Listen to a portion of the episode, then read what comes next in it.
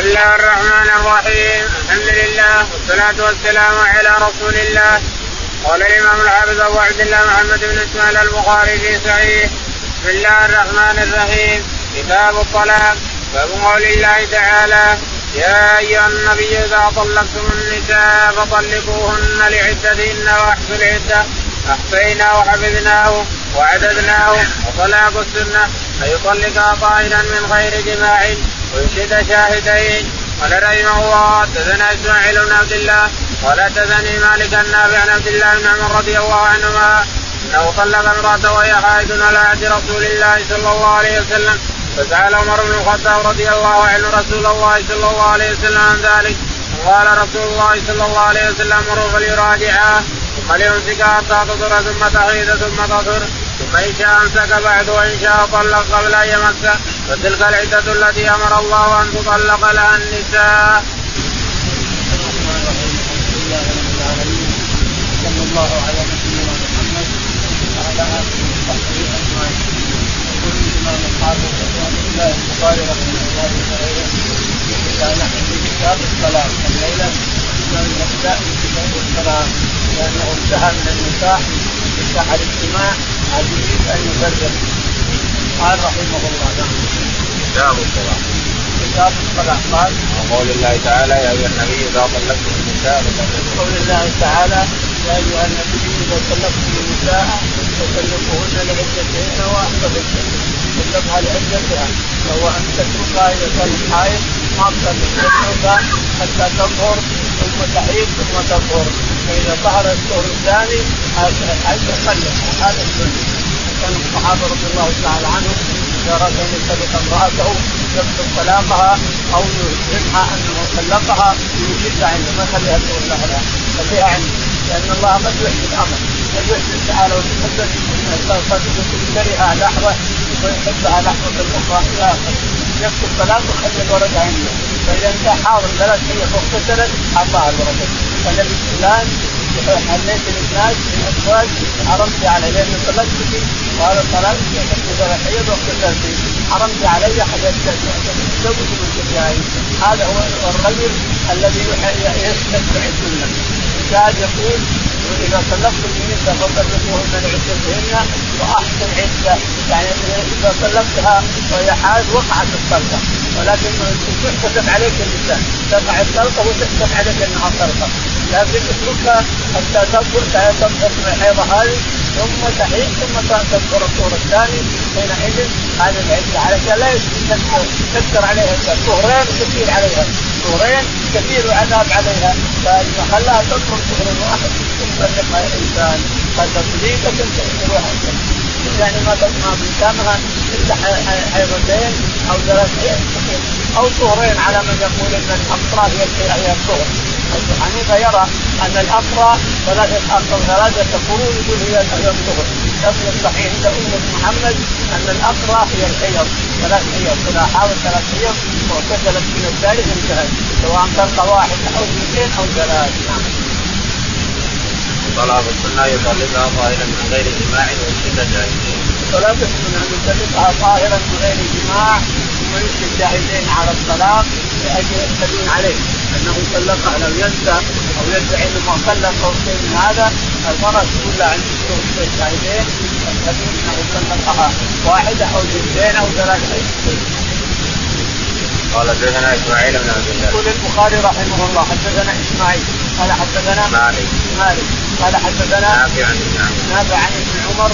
أنه طلق امرأته طلقة واحدة فذهب عمر رضي الله تعالى عنه النبي عليه الصلاة والسلام وسأله عن ذلك فقال مره فليراجع يعني وقعت الطلقة خلاص وكتبت عليه لكن مره فليراجعها ثم يمسكها عنده حتى تحيض ثم تطهر ثم تحيض ثم تطهر حينئذ يطلقها لتكون طلاقا رجعه باب إذا طلقت العائد يعتد بذلك الطلاق. قال رحمه الله حدثنا سليمان بن حرب قال حدثنا شعبان أنس بن سيرين أنه قال سمعت ابن عمر رضي الله عنهما قال طلق ابن عمر امرأته وهي حائض فذكر عمر للنبي صلى الله عليه وسلم فقال ليراجعها قلت تحتسب قال فمه؟ وعن قتادة يونس بن جبير عن ابن عمر قال مروا فليراجعها قلت تعتسب قال رايت ان اجز والسمع قال وقابل أبو أبو معمر. حدثنا عبد الوارث قال حدثنا أيوب عن سعيد بن جبير عن ابن عمر قال حسبت علي بتطليقة قال يقول البخاري رحمه الله حدثنا باب إذا طلقت الحائض يعتد بذلك. باب إذا طلقت الحائض هذا الطلقه وحجب كتب عليها طلقة واحدة. نفس هذا وان كان بعض الناس يشبه بخلاف هذا الحديث. الحديث عن النبي عليه الصلاة والسلام كما ترون. الناس اليوم تهاونوا بحديث الرسول عليه الصلاة والسلام وكل يفتي برأيه وهواه إلا الرسول عليه الصلاة والسلام مقدم ثم يروي عن النبي عن عن النبي عليه الصلاة والسلام أنه أوقعها طلقه وهي حائض. عند بعض الناس أن الكلام في الحيض ما يقع وأنها ارتدت وأن كذا وأن كذا. وهذا لا قيمه له ولا يلتفت إليه أيضا. أن يقول بهذا القول لا يلتفت إليه ولا يؤخذ برأيه شاهد ان عندنا أحاديث عمر رضي الله عنه عن النبي عليه الصلاة والسلام ومن خالف قوله قول الرسول عليه الصلاة والسلام ضربنا بالحائط يقول حدثنا سليمان بن حرب. سليمان بن حرب. قال حدثنا شعبة. شعبة. قال حدثنا أنس بن سيرين. أنس بن سيرين. عن ابن عمر. عن ابن عمر رضي الله عنه. قال ان عبد الله بن عمر طلق امرأته فذهب على الرسول قال مره فليرتجعها ثم ثم اذا حاضت وطهرت من الحيض هذا وحاضت مرة ثانية وطهرت مرة ثانية فليطلقها إن شاء إن شاء يطلقها وإن شاء يمسكها الطلقة وقعت طلقة واحدة إلى ارتجاع لا أن يرجعها. قلت تحتسب قال فمن قلت تحتسب ليش فما اذا ليش تحتسب؟ ليش تحتسب؟ قال وقع طلقه واحدة ينقلب اثنين فقط. تحتسب طلقه تلك الحيض تقع طلقة وتحتسب ويبقى له عنده ويبقى لها عنده. اثنين فقط في رواية قال أرأيت إن عجز يقول أرأيت إن عجز؟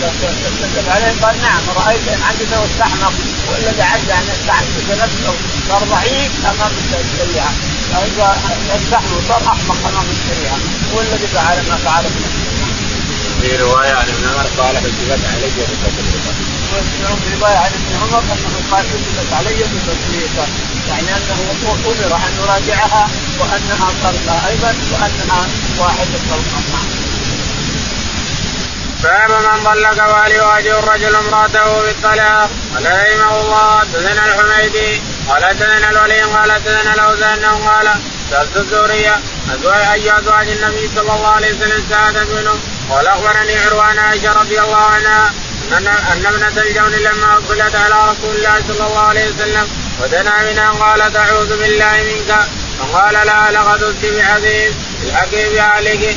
قال أبو عبد الله رواه الحجاج بن أبي مني من جدي عن الزهري أن عروة أخبره أن عائشة قالت يقول البخاري رحمه الله حدثنا ومن طلق وهل يواجه الرجل امرأته؟ باب طلق وهل يواجه الرجل امرأته؟ باب هل يواجه الرجل امرأته؟ بالطلاق نعم أراد أن يطلقها يواجهها يعني يواجهها بالطلاق لأن الطلاق أباحه الله كما أباح النكاح فأنت تنكحت المرأة تريد أن تطلقها فطلق واحدة أو اثنين هنا تطلق واحدة فقط ولا تبقى تبقى على بنتين ان أردت أن ترجعها ترجع على بنتين وين ما أردت أن ترجع تزوج غيرك.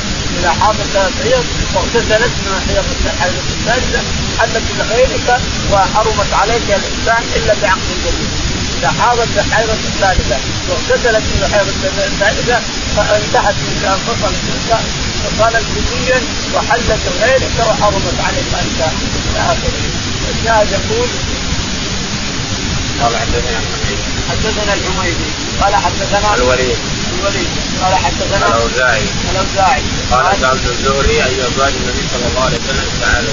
قال سالت الزهري اي ازواج النبي عليه الصلاة والسلام الذي طلقها يعني فارقها يعني استعادت منه وفارقها بعد ما استعادت منه. فقال ابنة الجون ابنة الجون يعني الجون رئيس قبيلة. دخلت لما دخل عليها عليه الصلاة والسلام. قرب منها قالت أعوذ بالله منك أعوذ بالله منك فقال لقد قلت بمعاذ قد قلت بمعاذ حق حق ذلك تعتبر كنايه كنت كنايه عن عن طلقات. طلقة طلقة واحدة. فصارت طلقة. حق اهلك كتبت عليها طلقة. طلقها الرسول عليه الصلاة والسلام وهو لا يطلق ولكنه الحق باهلك الكناية تقع واحدة.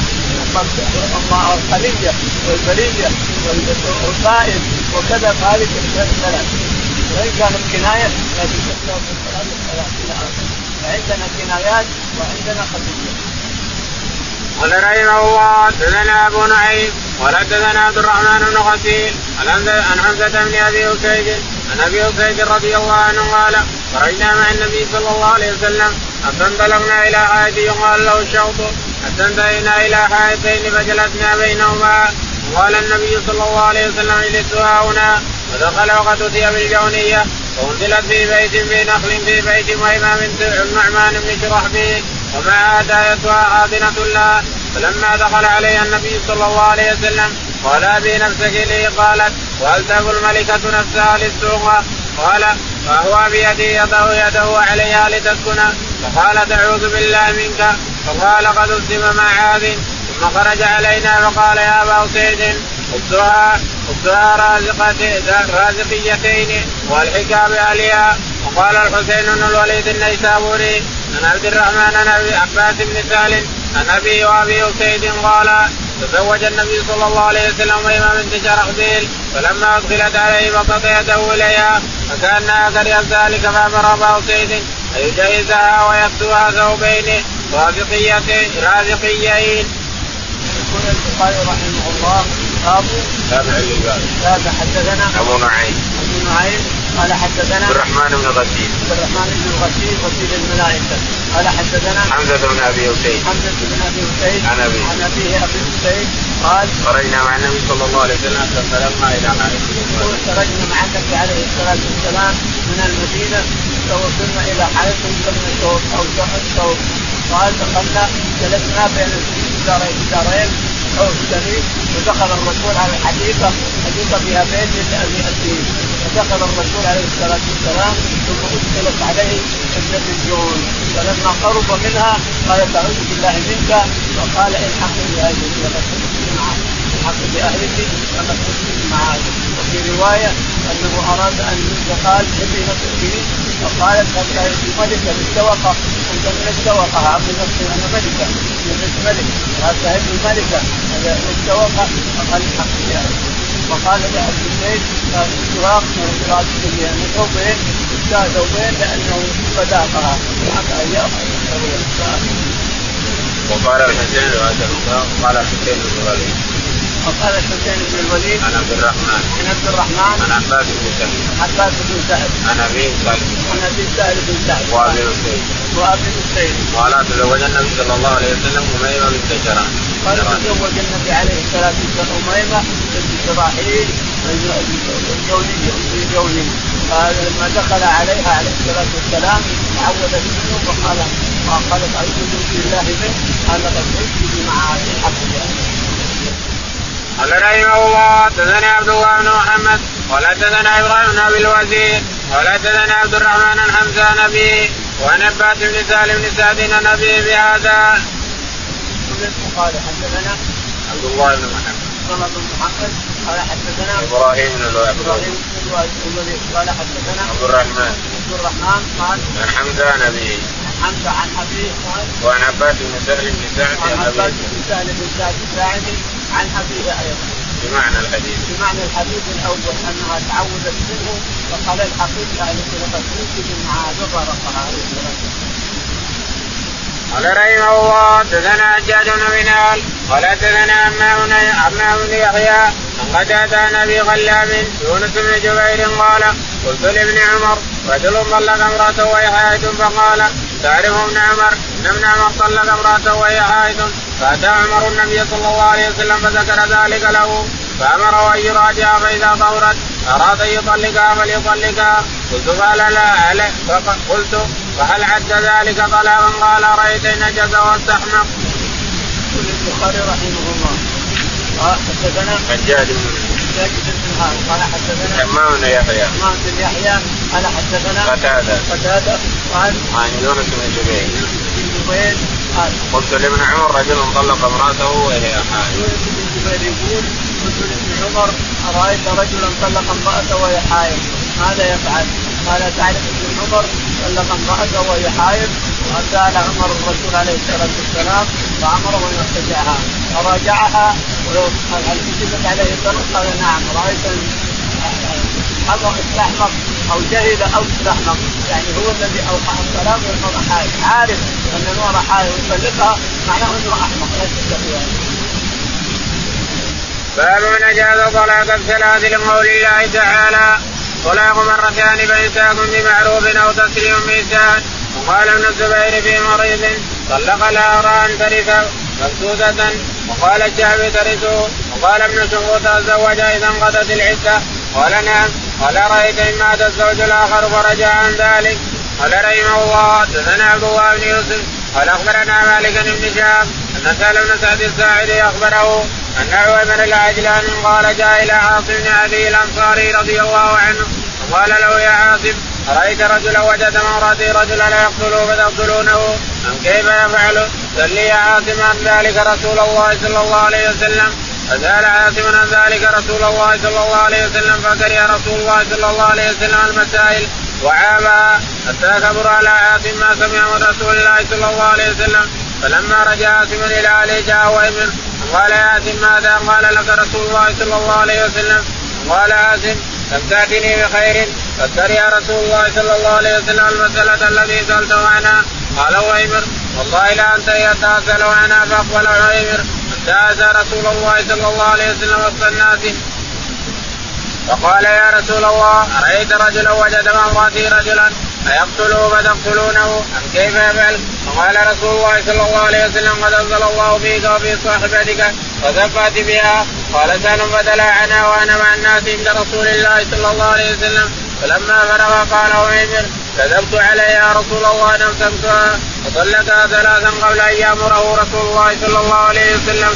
قال ابن شهاب فكانت تلك سنة المتلاعنين. البخاري رحمه الله. حدثنا باب من اجاز طلاق الثلاث. باب من اجاز طلاق الثلاث. الإنسان يجوز أن يطلق الثلاث جائز هذا لأن الله اباح له.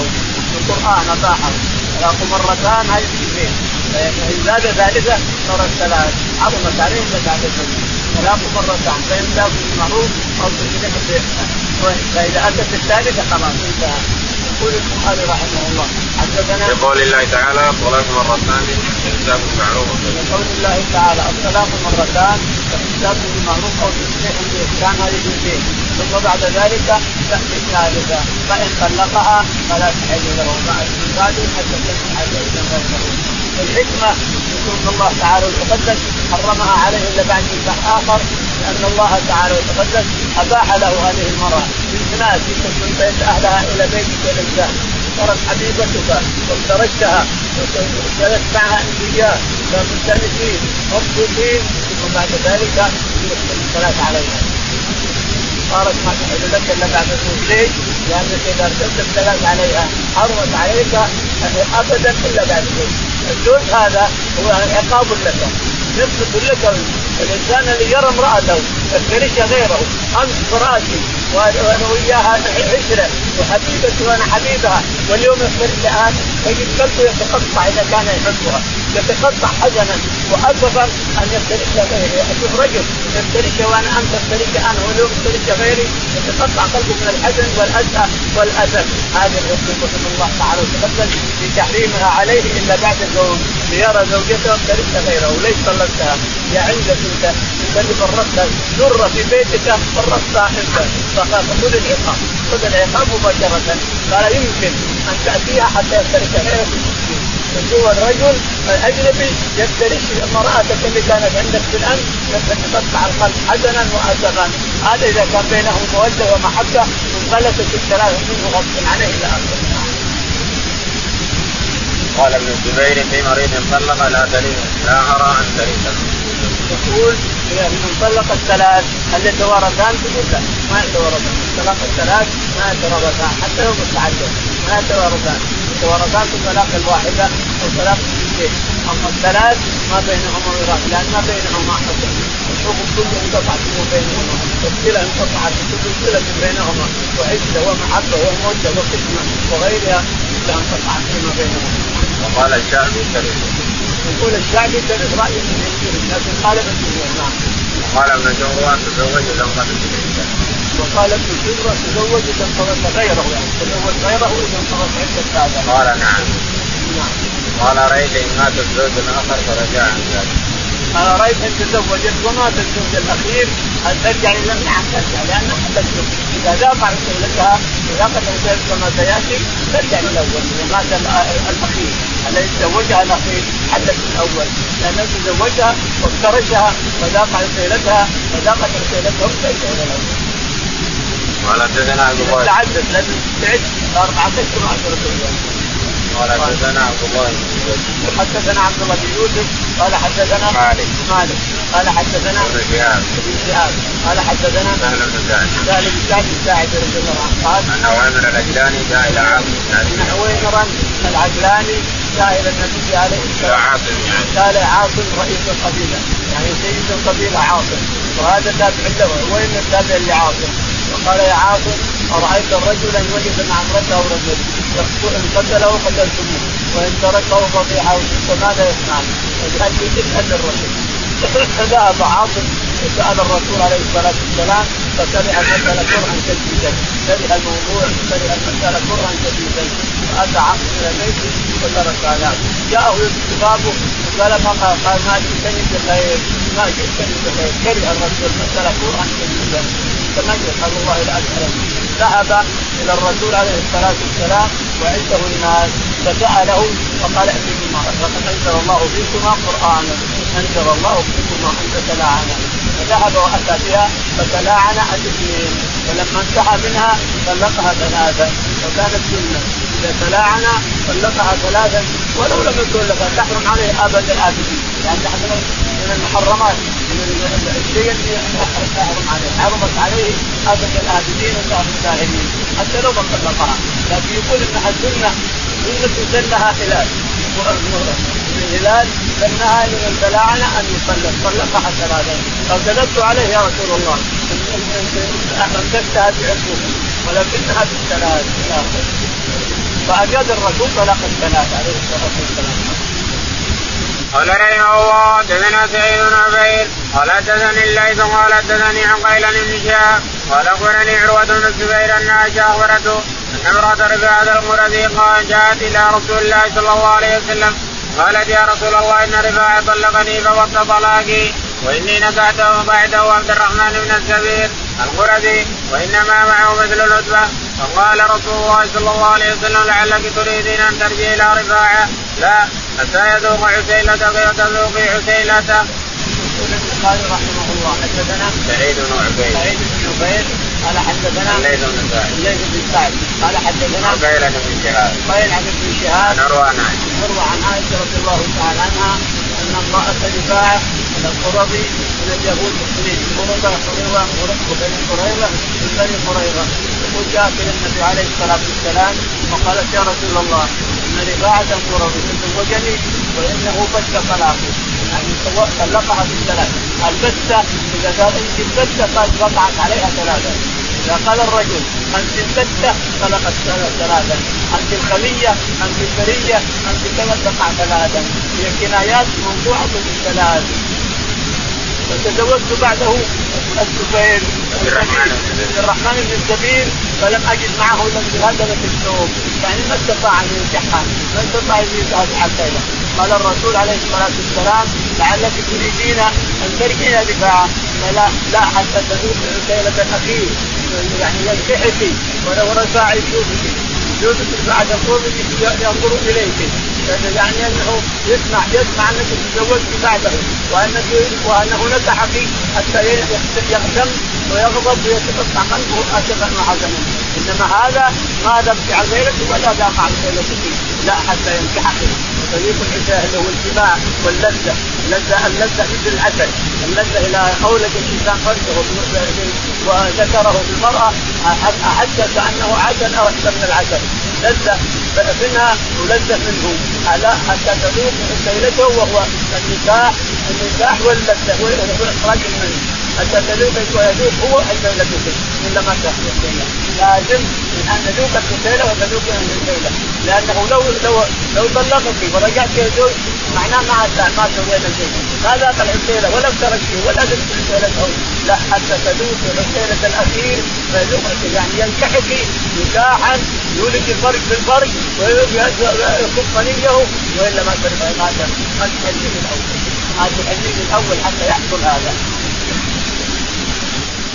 قال رحمه الله حدثنا محمد بن بشار قال حدثنا يحيى بن عبيد الله قال حدثنا القاسم بن محمد أن عائشة رضي الله عنها أن رجلا طلق امرأته ثلاثا فتزوجت فطلق فسئل النبي صلى الله عليه وسلم تحل للأول قال لا حتى اذوق سيلتها كما ذاق الأول.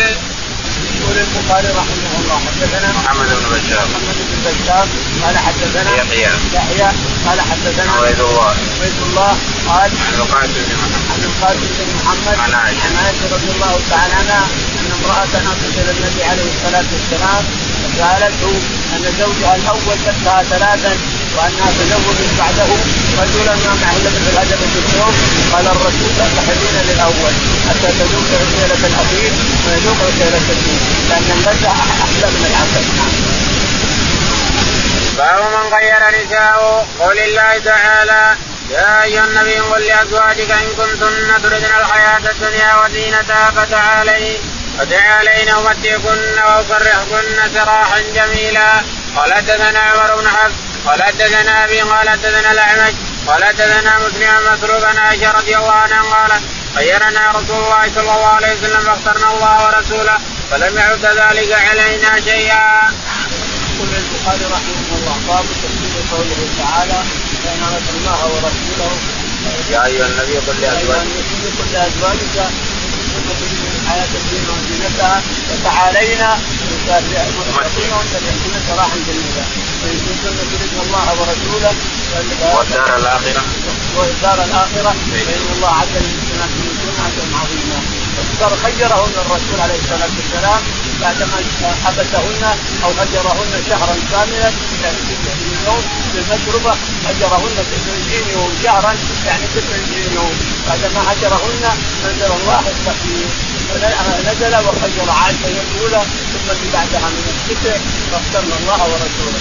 جميع الزوجات عليه الصلاة والسلام اخترنا الله ورسوله. التخيير ليس طلاق لكن المرأة اختاري اختاريني أو اختاري يعني أغضبتيني ولا نطلق الطلاق ما أحبه. لكن اخترنيني واختر نفسك إن اختارت زوجها ما صار شيء. وإن اختارت نفسها طلقت خلاص. اذا اختارت نفسها ملكت نفسها صار جناية عن خلقه إن شاء أن يراجعها يراجعها. التخيير لا يقع الطلاق وإنما بالفعل. إذا قال اختاريني أو اختاري نفسك. فإن اختارت زوجها ما وقع شيء. خلاص. اختارت نفسها وقع طلقه كنايه عن كنايه عن طلقه لأن التخيير هذا إذا اختارت نفسها معناه أنها ما تبين فيقع عليها طلقه إذا اختارت نفسها وقع طلقه إذا اختارت الزوج فلا شيء عليه. ما يقع شيء قال رحمه الله حدثنا مسدد. قال حدثنا يحيى عن إسماعيل. قال حدثنا عامر عن مسروق أنه قال سألت عائشة عن الخيرة. فقالت خيرنا النبي صلى الله عليه وسلم فكان طلاقا. قال مسروق لا أبالي خيرتها واحدا بها بعد أن تختارني. يقول البخاري رحمه الله حدثنا مسدد مسدد قال حدثنا يحيى. يحيى قال حدثنا إسماعيل. إسماعيل قال عن عامر عن عن عامر الشعبي قال عن مسروق عن مسروق الأجدع قال سألت عائشة عن الخيره سألت عائشة عن تخير الرسول لهن فقالت خيرنا رسول الله صلى الله عليه وسلم فكان طلاقا. يقول التخيير هل هو طلاق؟ قال خيرنا الرسول عليه الصلاة والسلام فكان طلاقا هذا التخيير ما هو كلام إذا خيرت امرأة الانسان تريد تختاريني أو اختار نفسك اختارت نفسها وقع عليها طلقه ولا تحل له إلا بعقد جديد. إذا وقع إذا اختارت نفسها صارت طلقه ولا تحل له إلا بعقد جديد. لانها اختارت نفسها عليه. تقع الطلقه والطلقه الواحدة تحرمها عليه إلا بعقد جديد لأن اختارت من الخيار مثل خيار وتقع بمعنى الطلاق. لكن لا تحل له إلا بعقد جديد إذا اختارت نفسها أما إذا اختارت الزوج فلا شيء. اختارت الزوج خلاص انتهى. عادت إلى عصمته برضاها فلا شيء فيه. فعائشة تقول خيرنا الرسول. قال وقع شيء؟ ما وقع التخيير ما يقع شيء إلا إذا اختارت نفسها وان الزوجات زوجاتهم اخترن أنفسهن طلقنا خلاص. اختارت المرأة نفسها طلقت ولا تحل لأحد. قال مسروق لا أبالي اخيرتها واحدة ما تنسى مسروق لا أبالي خيرتها واحدة أو مئة. يعني إذا اختارتني. أما يختار الأمر يتغير. الحكم يتغير. إذا اختارت نفسها الحكم يتغير. لكن إذا خيرها واحدة أو مئة ما يحدث شيء إذا اختارت الشيء. باب إذا قال فارقتك أو سرحتك أو الخلية أو البرية وهو ما عني بالطلاق فهو على نيته. وقول الله عز وجل وسرعوهن سراحا جميلا. وقال وسرحكن سراحا جميلا. وقال فإمساك بمعروف وإمساك بمعروف أو تسريح بإحسان. وقال أو فارقوهن بمعروف. وقالت عائشة قد علم النبي صلى الله عليه وسلم أن أبوي لم يكونا يأمراني بفراقه. يقول البخاري رحمه الله. باب إذا قال فارقتك أو إذا قال فارقتك فهو طلاق بناء هذا يقع فيه طلاق يقع النية نية الطلاق واحد ولا ثلاث تقع الثلاث إنما الثلاث وقع الثلاث لأنها كانت كناية. فارقتك أو اخريتك أو البشريه أو الخليل إنما نيته إذا نوى الطلاق فقط وقع ما نواه ويقع الثلاث الخليه والبريه وفارقتك وما إلى ذلك كل هذا يقع كذلك لانها كنايات ظاهرة عند العلماء. فهو على نيته فهو على نيته نوى ثلاث تقع ثلاث. نوى واحدة تقع واحدة. إلا الخلية والبريه والكنايات الظاهرة. نعم عندنا خليات للواحدة فقط. موضوعة للواحدة. تقع واحدة. إذا نوى طلاق. وعندنا كنايات ظاهرة. خفية.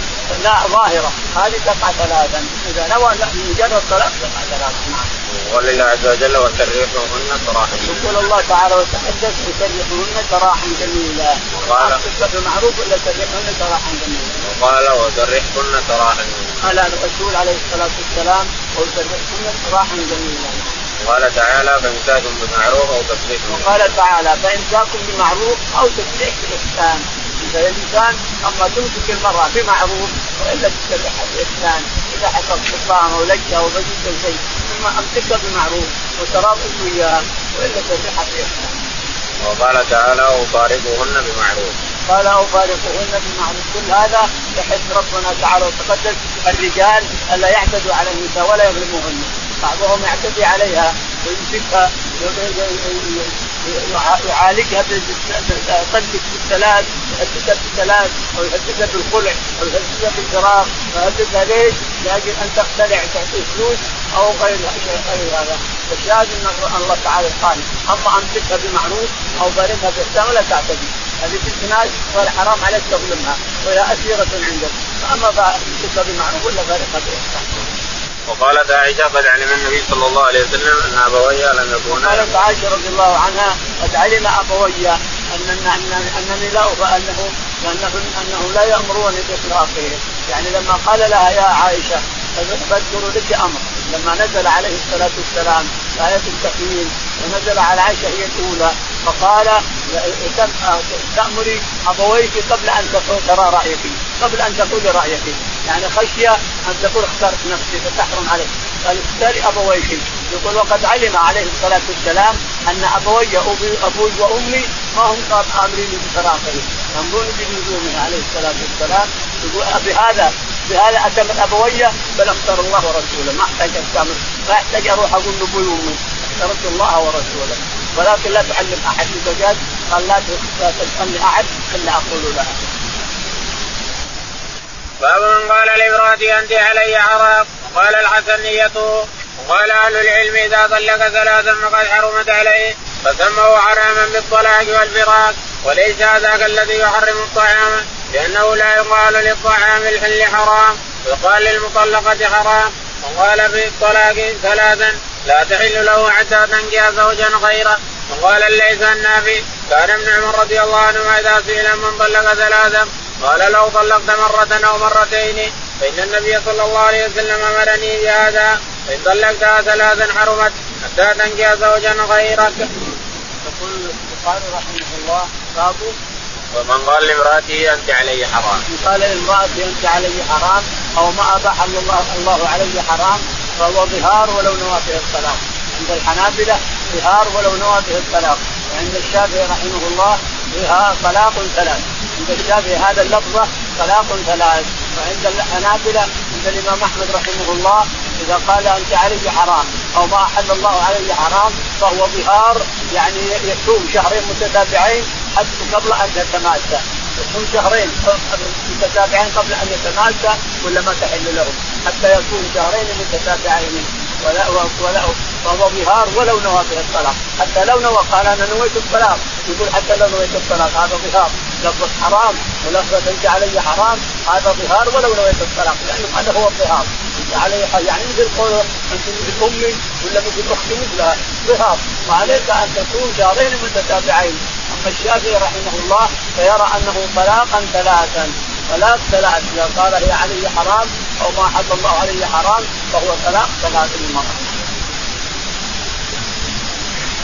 وقال أهل العلم إذا طلق ثلاثا فقد حرمت عليه وسموه حراما بالطلاق يقول يقول البخاري رحمه الله وقال أهل العلم إذا طلق ثلاثا فقد حرمت عليه إلا بعد الزوج ومن أباحها قال كان واحد من علماء بغداد يبيح المرأة إذا طلقها رجلها ثلاثا يجون يستفتونه ويبيعها. فجلدوه ورجموه في الحجارة. جلدوه ورجموه في الحجارة.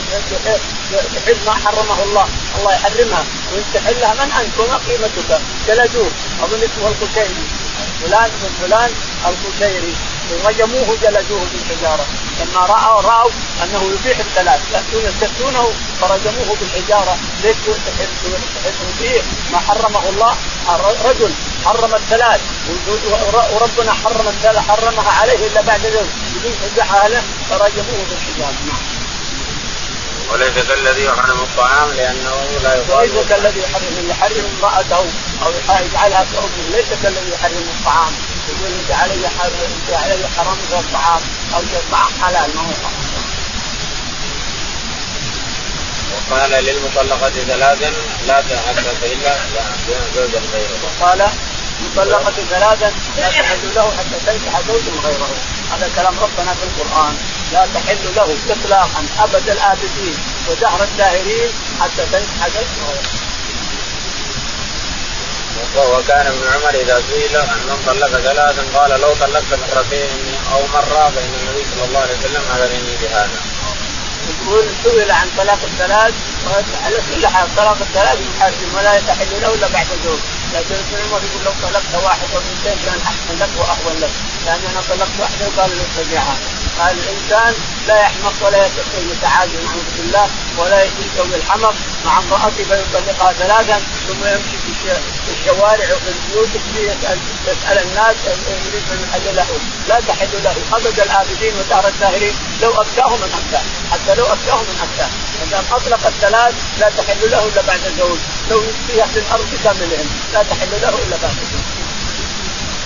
قال ابن عمر فإن طلقتها ثلاثا حرمت حتى تنكح زوجا غيرك. وقال ابن ثم قال ابن عمر له إذا طلقتها ثلاثة وانتهت الثلاث لا تحل لك تحرم عليك حتى تنكح زوجا غيرك كما قال ربنا في الكتاب. قال رحمه الله حدثنا محمد قال حدثنا أبو معاوية قال حدثنا هشام بن عروة نبي عن عائشة رضي الله عنها قالت طلق رجل امرأته فتزوج زوجا غيره فطلقها وكانت معه مثل عتبة وكانت معه مثل العتبة فلم تصل منه لا شيء تريده فلم يلبس ان طلقها فأتت النبي صلى الله عليه وسلم فقالت يا رسول الله إن زوجي طلقني إني تزوجت زوجا غيره فدخل بي ولم يكن معه إلا مثل العتبة فلم يقربني إلا انة واحدة ولم يصل مني إلى شيء. فأحل لزوج الأول فقال رسول الله صلى الله عليه وسلم لا تحلين لزوجك الأول حتى يذوق الآخر عسيلتك وتذوقي عسيلته. البخاري رحمه الله مكررا هذه المسألة. لأنها من الأصول التي يرجع إليها في الصلاة قال حدثنا محمد. محمد. قال حدثنا أبو معاوية. أبو معاوية الصريح قال قال حدثنا هشام بن عروة. حدثنا هشام بن عروة. عن أبيه. عن أبيه عروة. عن عائشة. عن عائشة رضي الله تعالى عنها أن امرأة رفاعة أتت إلى النبي عليه الصلاة والسلام وقالت يا رسول الله إنها تزوجت رفاعة وطلقها ثلاثا. ثم بعد ذلك تزوجت عبد الرحمن بن الزبير وكان معهم من ادبه الثوب ما ما يستطيع ما يستطيع يولد مثل ادبه الثوب ما تنزلي. ما يستطيع يولد قال تريدين أن ترجع إلى العراق؟ قال لا. حتى تذوق السيلة الأول. وتذوق السيلة الأخير. سيلتك وتذوق سيلته. حينئذ ترجع للأول. والا ما تحل الأول حتى تذوق حتى ينكحك نكاحا صحيحا بشروطه الأخير ويولد وينزل منيه يولد ليه؟ لأن عقوبة لمن طلقه الثلاث عقوبة له أن يرى امرأته وترك غيره يصير تمحر قلبه ويحزن ويغضب ولكن ما ما في حيله امرأته التي كانت عنده يفترشها صار يفترشها غيره. كل حال يغضب ويزعل ويعمل كل في نعم. فلم يلبث أن طلقها. يعني طلقها التي معه طلقها رفاعه ثم أتت إلى عبد الرحمن بن الزبير ولم يكن عنده إلا مثل عتبه الثوب قال لا باب لم تحرم ما أحل الله لك.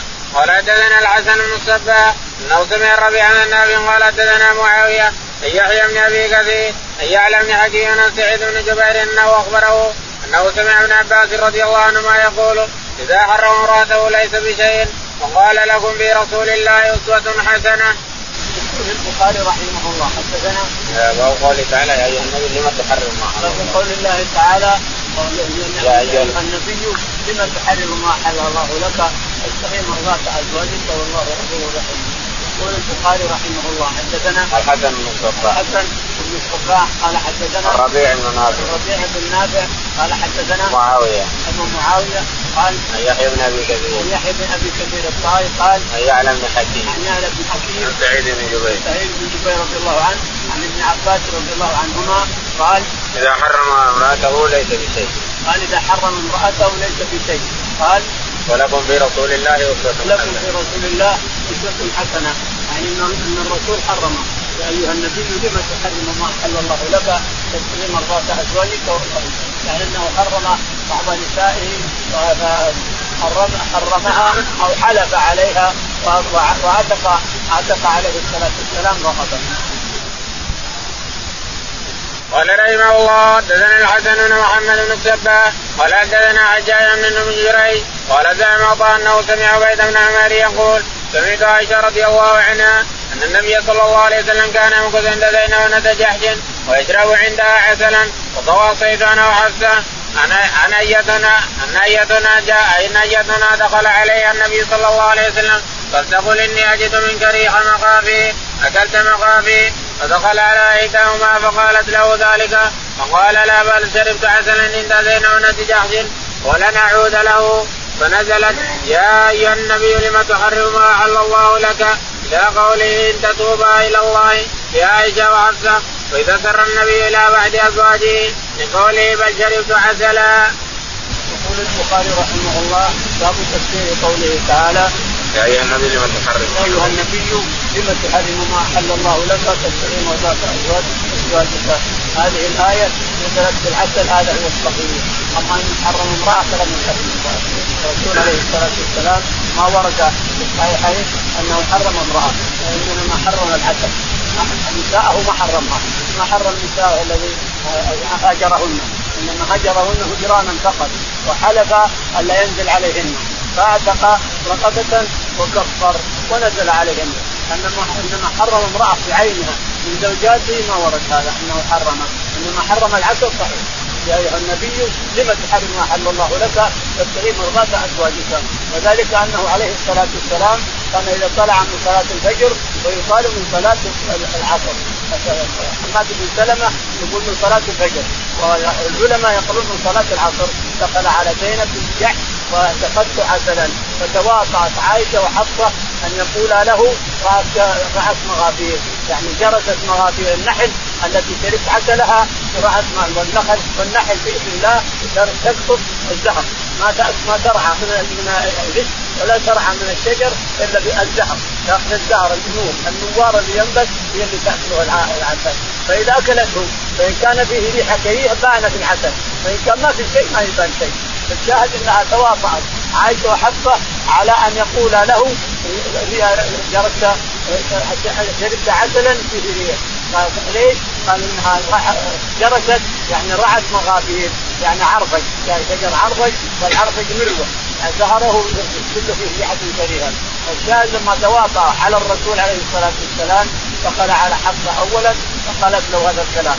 ثم دخل على عائشة فقالت له هذا الكلام. فحرم العسل عاتبه الله. يا أيها النبي لم تحرم ما احل الله لك؟ تبتغي مرضات أزواجك. فالقران ترضي هذه وهذه. يعني عائشة وحفصة توضحت عليه إلى آخره.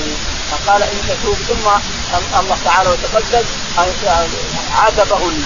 قال ان تتوبا إلى الله فقد سغت قلوبكما وإن تظاهر عليه فإن الله هو مولاه وجبريل وسائر المؤمنين وصالح والملائكة بعد ذلك ظهير إن تتوبا إلى الله فقد سغت قلوبكما. لانت ورجعتم وتبتم إلى الله.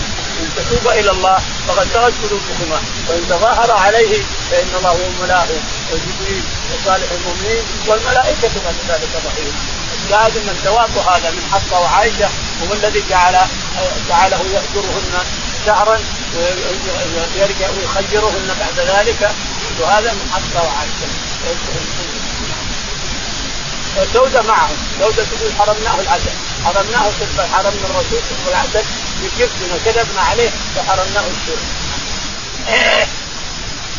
قال رحمه الله حدثنا مروة بن أبي المغرى قال علي بن مسير عن هشام بن عروة ابي عن عائشة رضي الله عنها قالت كان رسول الله صلى الله عليه وسلم يحب العسل والحلوى وكان إذا انصرف من الأصيل دخل على نسائه فيدنو من ايداهن فدخل على حفصه بنت عمر اعتبس أكثر ما كان يعتبس فغرت وقل فسألت عن ذلك فقيل أتت له امراه من قومها عكة من اكل فسقت النبي صلى الله عليه وسلم منه شربة فقلت أما والله لنحتالن له؟ فقلت لسودة بنت سما إنه سيدنو منك فإذا دنا منك فقولي أكلت مخافي فإنه سيقول لك لا فقولي له ما هذه الريح الذي أجد منك فإنه سيقول سقتني حفصه شربة عسل فقولي له جرست نعل نعل الحرقب وتقول ذلك وقولي أنت يا صبي ذلك.